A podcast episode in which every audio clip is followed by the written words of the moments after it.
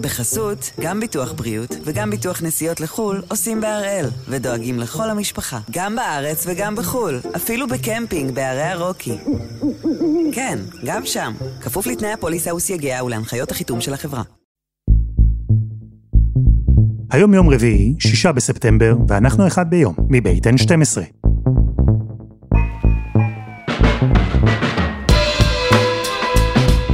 אני אלעד שמחיוב, ואנחנו כאן כדי להבין טוב יותר מה קורה סביבנו, סיפור אחד ביום, בכל יום.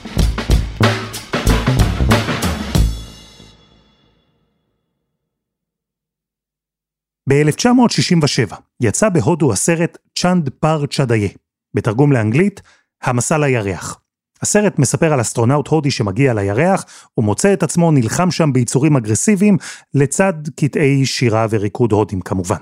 אם תצפו בסרט הזה היום, הוא נמצא ביוטיוב אגב, אז תבחינו בקלות שהיצורים האגרסיביים הם שחקנים לבושים בתחפושות שאיך נאמר, לא בדיוק עמדו במבחן הזמן.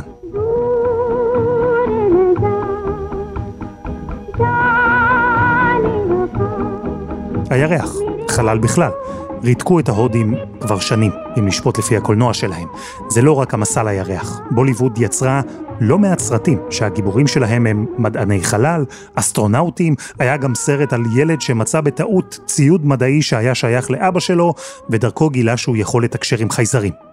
בשנים האחרונות אבל, במיוחד ארבע או חמש השנים האחרונות, יש פריחה מיוחדת בסרטי חלל שיוצאים בהודו. וזה קורה במקביל לכך שהודו בעצמה הפכה למעצמת חלל. מעצמה שהצטרפה עכשיו למועדון סופר יוקרתי. היא הפכה למדינה הרביעית בעולם בסך הכל שהצליחה להנחית חללית על הירח. שחקנים עם תחפושות של גורילות אגב, היא עדיין לא מצאה שם. אז הפעם אנחנו עם המשימה ההודית לירח, ובכלל עם המטרה החדשה הישנה של האנושות כולה להגיע לשם, לירח, רק שהפעם להפוך אותו לסוג של בית.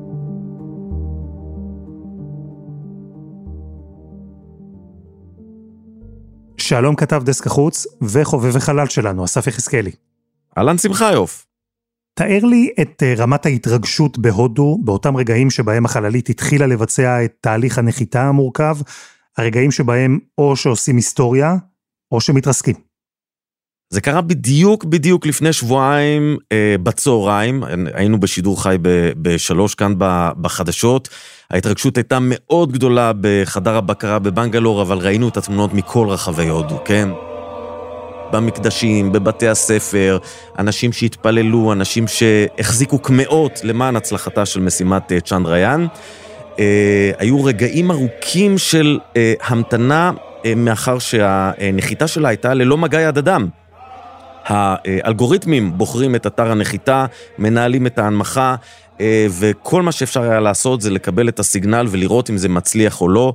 השידור המיוחד שצפינו בו היה אומנם אה, דואלי, בהינדי ובאנגלית, אבל היה ברור שברגעי האמת, בזמן שכל העולם אה, צופה, הנחיתה, כמו גם הספירה לאחור לשיגור, תהיה באנגלית. And we are nearly at zero velocity, vertical and horizontal. We, are, we were hovering and now we are approaching the moon surface. ואכן, ברגע האמת זה הצליח. ראש הממשלה מודי התחבר בשידור חי מפסגת הבריקס ביוהנסבורג שבה הוא שהה, ומחיאות הכפיים היו אה, מאוד גדולות. חדר הבקרה היה ממש דחוס בהרבה מאוד מהנדסים, בהרבה מאוד אנשים של סוכנות החלל ההודית שבמשך שנים עבדו על הפרויקט הזה. צ'נדריאן 3, הם ראו את צ'נדריאן 2 מתרסקת לפני כמה שנים, והפעם זה הצליח. אה, ומאז, אה, כאמור, עברו שבועיים, שזה בדיוק יום אחד אה, על הירח, שזה פרק הזמן שבו החללית בדיוק הייתה אמורה לעבוד.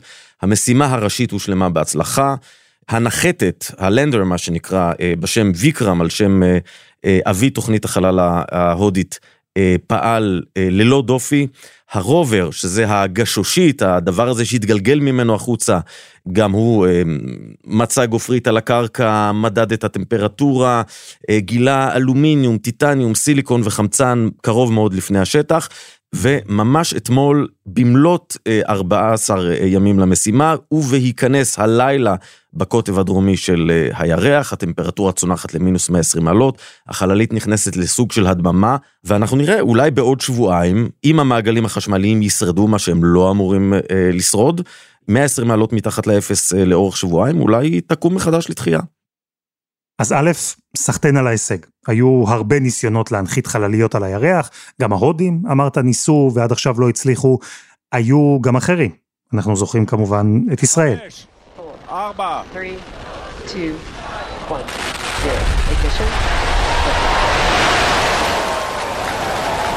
ובראשית יצא לדרך, לירח. זה לא מפתיע שהודו היא המדינה שהצליחה והפכה לרביעית בסך הכל בעולם, נכון? השקיעו שם המון מאמצים, המון משאבים כדי להגיע לרגע הזה.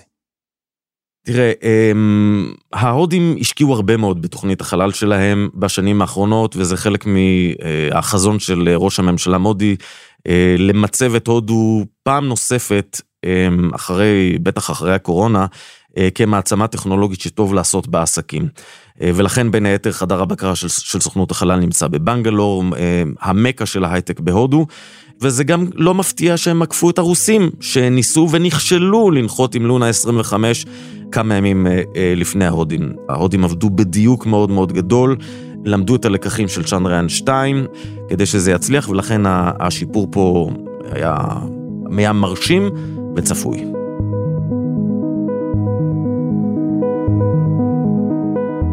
באנגלית יש מושג כזה, show off, וההודים לא רק נחתו על הירח פעם אחת, הם קפצו, ובעצם נחתו שם גם בפעם השנייה. אבל ברצינות, המשימה ההודית לירח הצליחה לרגש לא רק את ההודים. אני מודה, לא לגמרי הצלחתי להבין למה. הרי בני אדם הלכו על הירח כבר לפני 50 שנה, אז מה ה big deal בחללית קטנה שנחתה שם עכשיו? אז זהו, שדוקטור עדי ניניו גרינברג, יועצת מדע בסוכנות החלל הישראלית במשרד החדשנות, המדע והטכנולוגיה, הסבירה לי. אחרי המרוץ ההוא, הראשון לחלל, אנחנו נמצאים בעיצומו של מרוץ חלל חדש. כמו שאמרת נכון, כבר היינו במרוץ לחלל פרק א', ארה"ב ניצחה, נכון? היא, מה שנקרא, השוותה והעלתה. אוקיי, okay, engine stop. Listen, uh, tranquility base here. The Eagle has landed. 12 אנשים צעדו על הירח, ומאז בעצם ארה"ב הפסיקה להתאמץ להגיע לירח, כי היא כבר, מה שנקרא, ניצחה. שאר המדינות עוד קצת עשו מאמצים, אבל בגדול, רוב סוכנויות החלל שמתעסקות בירח הפנו את המאמצים שלהם לכיוון אה, משימות מסביב לכדור הארץ, אה, האדם בתוך החללית, אה, טילים למאדים וכן הלאה. הירח היה אז, בשנות ה-60 וה-70, המטרה. קו הסיום במרוץ שבמידה רבה שינה את העולם, מצוות ארצות הברית כמעצמה המובילה לפני ברית המועצות. וברגע שהמרוץ נגמר, הירח, כן, נשאר שם, למעלה, עם כל מיני שאריות שנשארו עליו, אבל במשך שנים הוא לא ממש עניין את סוכנויות החלל בעולם. אלא שהכל השתנה. הירח חזר להיות מעניין, הפעם לא כקו הסיום, לא כמטרה הסופית, אלא כתחנת ביניים. אז למה אנחנו בכלל חוזרים אליו? אנחנו חוזרים אליו בגלל שהירח הוא שער אה, מבחינתנו אה, אל מקומות יותר רחוקים, יותר מעניינים צריך לומר, no offense, אה, שאנחנו רוצים להגיע אליהם. הירח זה הגוף הטבעי הכי קרוב אל כדור הארץ שנמצא מחוץ לכדור הארץ, במרחק של 384 אלף קילומטר מאיתנו, מסתובב סביבנו כל הזמן, ו... בגלל שהוא כל כך קרוב, יש לנו איזושהי שאיפה להתנסות עליו. זאת אומרת, הירח, אם תרצה, הוא כמו מין מגרש משחקים או שדה ניסויים לטכנולוגיות, מעבר לעובדה שאפשר לעשות כאן יופי של מחקר, והמחקר של הירח הוא מאוד מאוד מעניין, זאת אומרת, איך הוא נוצר, מה קורה איתו, מה יש עליו, מים, חמצן וכל הדברים האלה שאנחנו קוראים להם משאבי הירח. אז בעצם אם אנחנו מסתכלים על לאן אנחנו נרצה ללכת uh, בעתיד, כן, בדרך uh, למאדים עוצרים בירח, אז הירח הוא תחנת ביניים שיכולה להיות מאוד מאוד מעניינת, ויכול להיות שגם תהיה מועילה. ברגע שהתרחבה זווית הראייה שלנו, ומאדים הפך פתאום ליעד אפשרי, גם כוכבים אחרים, אז הירח הפך פתאום למקום שאנחנו, האנושות, ממש בקטע של לחזור אליו. מגרש אימונים כזה, קרוב, נגיש, נוח, אפשר ממנו להגיע יותר בקלות למקומות חדשים. אבל זה אומר שצריך משימות אחרות לגמרי לירח. לא רק אסטרונאוטים שיעשו צעד קטן לאדם וגדול לאנושות, אלא כאלה שיעשו על הירח צעדים גדולים, ויותר מזה, ממושכים, שיהפכו אותו לסוג של בית. עכשיו אתה בא ואתה אומר, רגע, רגע, אני עכשיו רוצה להקים מושבה, להקים מעבדת מחקר, ואני רוצה שהאנשים שיגיעו לשם, ישהו שם שבועות ואולי אפילו חודשים. איך אני עושה את זה? אני צריך עכשיו לוודא שהם מגיעים. לאן הם מגיעים? איפה זה המקום הזה? מה התנאים שיאפשרו להם בכלל? איך אני בוחרת את המקום? הדבר העיקרי שהיו צריכים לעשות זה בכלל להבין איך אנחנו בוחרים את המקום שאנחנו נקים את זה, הרי הירח הוא מאוד מסובך, אין לו אטמוספירה, יש קרינה מטורפת, טווחי הטמפרטורות זה פלוס 200 ומינוס 200 מעלות פחות או יותר, תלוי את מי אתה שואל ואיפה אתה מסתובב על פניו, ויש מעט מאוד מקומות מתאימים, וגם הם אתה צריך להסביר איך אתה מנצל את כל המשאבים הקיימים בשביל שבאמת תוכל להקים עליו מושבה. כלומר, לפני שהופכים את הירח לתחנת מעבר גלקטית, צריך לברר אם הוא יכול בכלל להכיל את כל הדבר הזה, ובעיקר אותנו.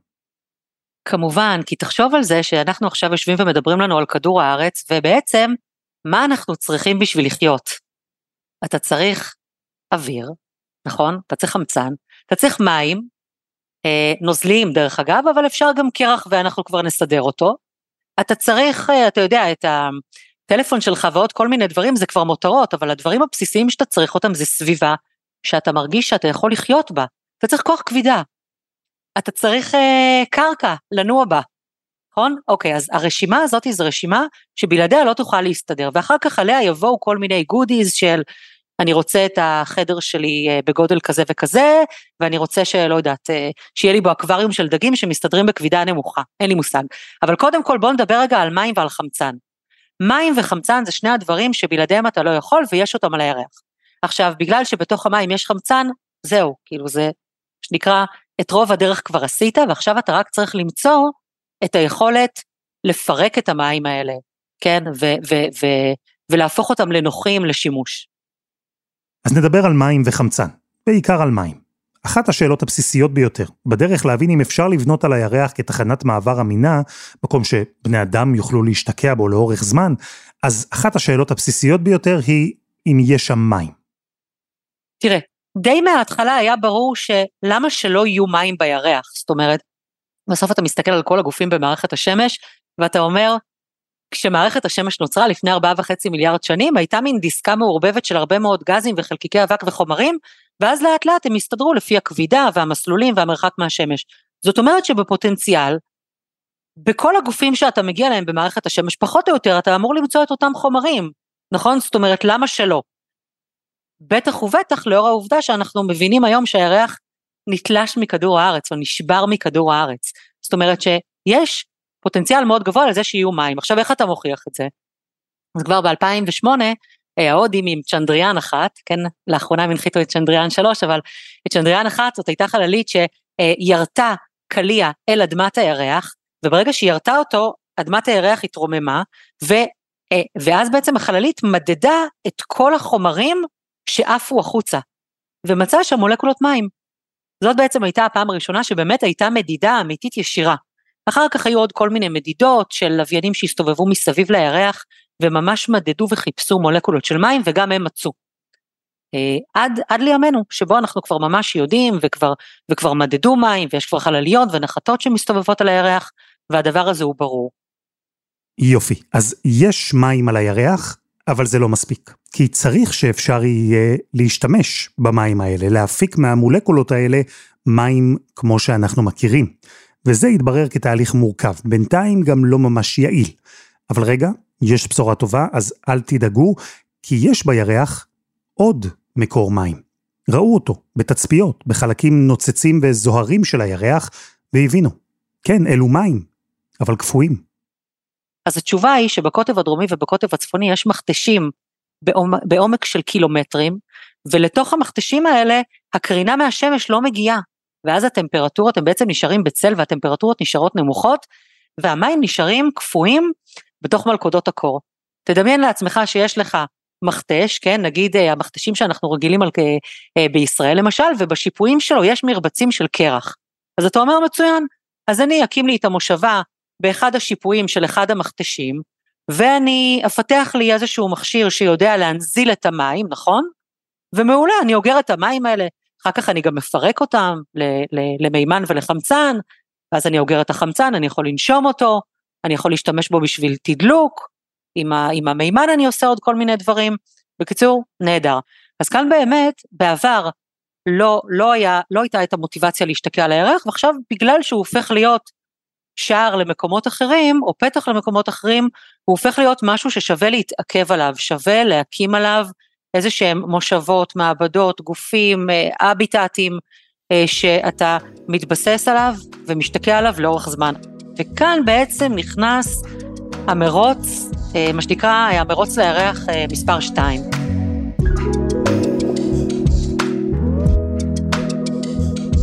חסות אחת וממש מיד חוזרים.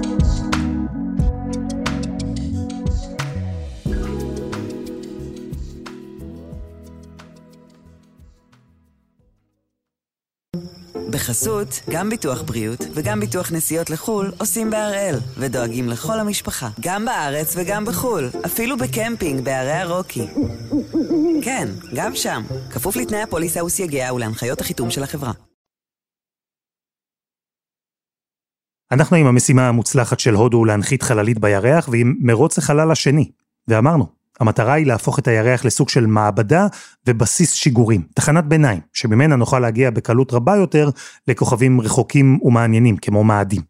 והתגלית שיש קרח, כלומר מים קפואים, ב-far side of the moon, היא צעד ענק בכיוון הזה. ופה מתחבר משהו כנראה ההישג הגדול והמעניין באמת של ההודים. לא רק נחיתה מוצלחת על הירח, אלא בפעם הראשונה נחיתה בקוטב הדרומי שלו, הקוטב הדרומי מעניין אותנו מסיבה ברורה מאוד. הקוטב הדרומי מעניין אותנו בגלל הסיפור של איפה נמצאים המשאבים שחיוניים בשביל להקים מושבה עם אנשים. אנחנו צריכים את הקוטב הדרומי בגלל שבקוטב הדרומי יש לנו את אותם מים קפואים, את אותו פוטנציאל למים ולחמצן, ולכן אנחנו רוצים לנחות שם. זו תגלית יחסית, יחסית חדשה, אז עכשיו אנחנו יודעים שהדבר הזה, זאת אומרת, זה, זה הלוקיישן, בסדר? זה הלוקיישן להגיע אליו, והעובדה שההודים בחרו אותו והצליחו, נותן להם הרבה מאוד נקודות. אז בעזרת המשימה ההודית, האנושות מקווה עכשיו ללמוד יותר על הקוטב הדרומי של הירח, המקום שבו יש מים שאולי נוכל להשתמש בהם כדי להקים סוג של מושבה. איך זה בעצם אמור לקרות? אוקיי, okay, אז מתוך הנחתת הזאת שנחתה שם יוצא רובר, והרובר הזה משוטט לו על פני הירח ומודד מדידות. מודד מדידות עם כל הסנסורים שנמצאים עליו. אה, מודד מדידות של טמפרטורה ושל עוד כל מיני מאפיינים כאלה ואחרים שנמצאים על הקרקע שעליה הוא נחת ובסביבה שהוא נמצא בה. בסדר, הוא מודד את הקרינה שמגיעה, מודד את הטמפרטורה, מודד עוד כל מיני פרמטרים כאלה ואחרים, בשביל ללמד אותנו קצת יותר מה, מה נמצא שם, או יותר נכון, לאיזה סביבה אנחנו הולכים להגיע, כי אתה אף פעם לא שולח אנשים לפני שבדקת לאן הם הולכים להגיע. עכשיו, אפשר להבין שההודים, בכך שהם נחתו בקוטב הדרומי, כמה דברים, קודם כל שהם ממצבים את עצמם כשחקנים מאוד חזקים במרוץ לירח, והדבר השני שהם רוצים לשלוח אנשים, ובאמת ההודים פרסמו לאחרונה שהם הולכים לשלוח אסטרונאוטים, או יש בכוונתם לשלוח אסטרונאוטים, בעתיד אל הירח. והבשורה הזו היא בשורה מאוד מאוד חשובה שמתיישבת מצוין עם העובדה, עם הלוקיישן שהם בחרו לנחיתה של הנחתת. ההודים מסתערים על הירח והם כמובן לא לבד. ארצות הברית, שאחרי משימות האפולו זנחה את הדרך לשם, חזרה לעניינים ובגדול. בימי טראמפ נולדה יוזמת ארתמיס והיא מתקדמת עכשיו בקצב. המטרה, לחזור לירח, וכדי לעשות את זה, האמריקנים גייסו שותפות מכל העולם. בתוכנית ארתמיס, שהמטרה שלה זה לחזור על הירח כשער אל עולמות אחרים, משתתפות מדינות נוספות, למשל ישראל, שחתמה בינואר 2022 על התוכנית, ועוד מדינות נוספות, יש כמעט 30 שחקניות ביחד עם ארצות הברית שחתומות, למשל בריטניה, למשל איחוד האמירויות, למשל אה, אה, איטליה, אה, יפן ומדינות נוספות, וכולן בעצם, בעצם הן חלק מהתוכנית הזאת שהמטרה שלה היא לאחד קבוצה של מדינות שיש להן איזשהו סט ערכים ונורמות משותף לגבי איך הן רואות את החזרה אל הירח, בסדר? אה, עשה ואל תעשה, כללים, סוגים של משימות, מה מותר ומה אסור, איך אנחנו רואים את הדברים האלה, מה משאירים על הירח, איך אנחנו מסנכרנים משימות על הירח, צריך להגיד שבעשור הקרוב הולכות להיות למעלה מ-20 משימות שיגיעו אל הירח. איך אתה מתזמן אותם, איך אתה מתכנן אותם, איך אתה מנהל את, ה, את העובדה שמצד אחד הירח שייך לכולם, מצד שני הוא שייך, הוא לא שייך לאף אחד, כן, לאף אחד אין ריבונות על הירח, אבל הרבה מאוד מדינות יגיעו אליו, אז איך אתה בעצם מנהל את כל האירוע הזה, ותוכנית ארתמיס בעצם מנסה לצייר איזה שהם קווים כלליים או, או, או להניח איזה שהם סט של ערכים שבא ואומר איך זה נראה, איך חוזרים על הירח בצורה מסודרת, מה הולכים לעשות שם, מה המטרות שאנחנו רוצים להציב לפנינו בשביל להגיע וכן הלאה. במקביל לאמריקנים ולקואליציה שהם גיבשו, הסינים כמובן, גם העיניים והחלליות שלהם מכוונות לירח, הרוסים עדיין במשחק, יש חברות פרטיות שמפתחות יכולות מתקדמות. המרוץ ההוא, שהיה עם שני משתתפים בלבד, התרחב היום. מאוד. ועדיין, יש משהו שלא הצלחתי להבין. אם אנשים הלכו על הירח לפני 50 שנה, איך זה שהיום כל כך מורכב לחזור לשם? בכל זאת, אז נסענו בפורד קורטינה ופז'ו 403 עם 60 כוח סוס. במילים אחרות, איך אמרה גלי עטרי? התעצמנו מאז. כשהגיעו בעבר לא היו צריכים להכין או להתכונן או לפתח את כל האופרציה שתיארתי כרגע. למה? בגלל שהגעת עם חללית, הסתובבת מסביב לירח, היה לך עוד איזשהו רכב נחיתה כזה, כן, האיגל הזה, שאיתו נחתו הראשונים, ניל ארמסטרונג ובאז אולדרין ואחר כך עוד אה, ברי מזל נוספים, נחתו על הירח, הסתובבו עליו מספר מסוים של שעות, עשו מה שעשו, חזרו אליו, שוגרו ממנו אל החללית שלקחה אותם לכדור הארץ. זהו, שהייה קצרת טווח בשביל מה שנקרא משימות ראשונות. היום אתה מדבר על דברים הרבה יותר מורכבים, הרבה יותר מסובכים, על טילים הרבה יותר מורכבים, בגלל שאתה מסתכל על הירח היום בצורה אחרת ממה שהסתכלת עליו בעבר, אני חושבת שאופי המשימה ואיתה גם המאמצים, האתגרים שאתה מסמן, הטכנולוגיות, הקשיים, הם הרבה יותר מורכבים ממה שהיה בעבר. אז זה הסבר אחד. אופי המשימה שהשתנה, הוא מצריך היום יכולות מורכבות הרבה יותר מאשר היו אז. יש מי שמסביר שרוב המשימות היום מנסות אמנם להגיע לירח, אבל הן רוצות לעשות את זה בזול. קחו לדוגמה את בראשית הישראלית, היא עלתה 100 מיליון דולר. זו בדיחה, רחוק מהמיליארדים שנאס"א משקיעה במשימות שלה. אז כן, הדברים קורים, אולי קצת לאט יותר ממה שאפשר היה לצפות או לקוות, אבל בכל זאת הם קורים מהר. הירח, דוקטור ניניו גרינברג מאמינה, יהפוך לבסיס כבר בשנים הקרובות. זה משהו שהוא באמת חיינו. ומה שצריך להגיד זה שארתמיס 2, שמתוכננת אה, ל-2025, אה, הולכת להיות משימה מאוישת, זאת אומרת יהיו בה אנשים, אבל היא לא תנחת על פני הירח, היא אמורה להקיף את הירח אה, לקראת ארתמיס 3, ששם כבר תהיה נחיתה מסודרת, אה, ובעצם אה, האדם הראשון שיצעד שוב על הירח תהיה אישה, תהיה אסטרונאוטית, ואליה יתלווה גבר, שהוא יהיה גבר לא לבן, הם קוראים לזה The First Person of Color, ואנחנו בהחלט מחכים ומצפים למשימה הזאת כשתקרה. ההגעה לירח היא כמו, מזכירה קצת, בכלל כל המרוץ לחלל מזכיר קצת את כל המרוץ של מגלי העולם, שעלו על אה, ספינות וחצו אוקיינוסים בשביל להגיע לכל מיני אה, יבשות, וכשאנחנו מסתכלים בעצם על להגיע לירח, אז זה כמו להגיע אל עוד איזושהי יבשת שאנחנו רוצים להשתקע בה, אמנם אנחנו לא מגיעים אליה בספינות בים, אלא בספינות חלל וחלליות, אבל אה, בהחלט אפשר לעשות הקבלה מאוד מאוד מעניינת ולהסתכל עליה כאל איזשהו סוג של יבשת שמינית, אה, ולנסות לראות איך אנחנו מצליחים ליישב אותה.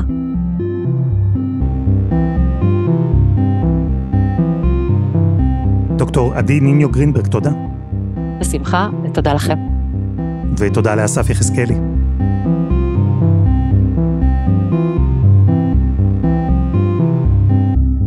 וזה היה אחד ביום של N12. אנחנו מחכים לכם בקבוצה שלנו בפייסבוק. חפשו אחד ביום, הפודקאסט היומי. העורך שלנו הוא רום אטיק, תחקיר והפקה, עדי חצרוני, דני נודלמן, רוני ארני ושירה הראל.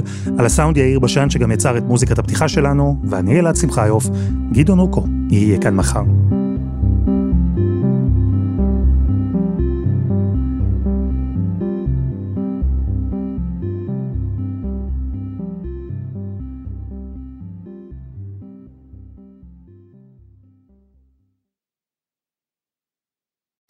בחסות, גם ביטוח בריאות וגם ביטוח נסיעות לחו"ל עושים בהראל, ודואגים לכל המשפחה, גם בארץ וגם בחו"ל, אפילו בקמפינג בערי הרוקי. כן, גם שם, כפוף לתנאי הפוליסה וסייגיה ולהנחיות החיתום של החברה.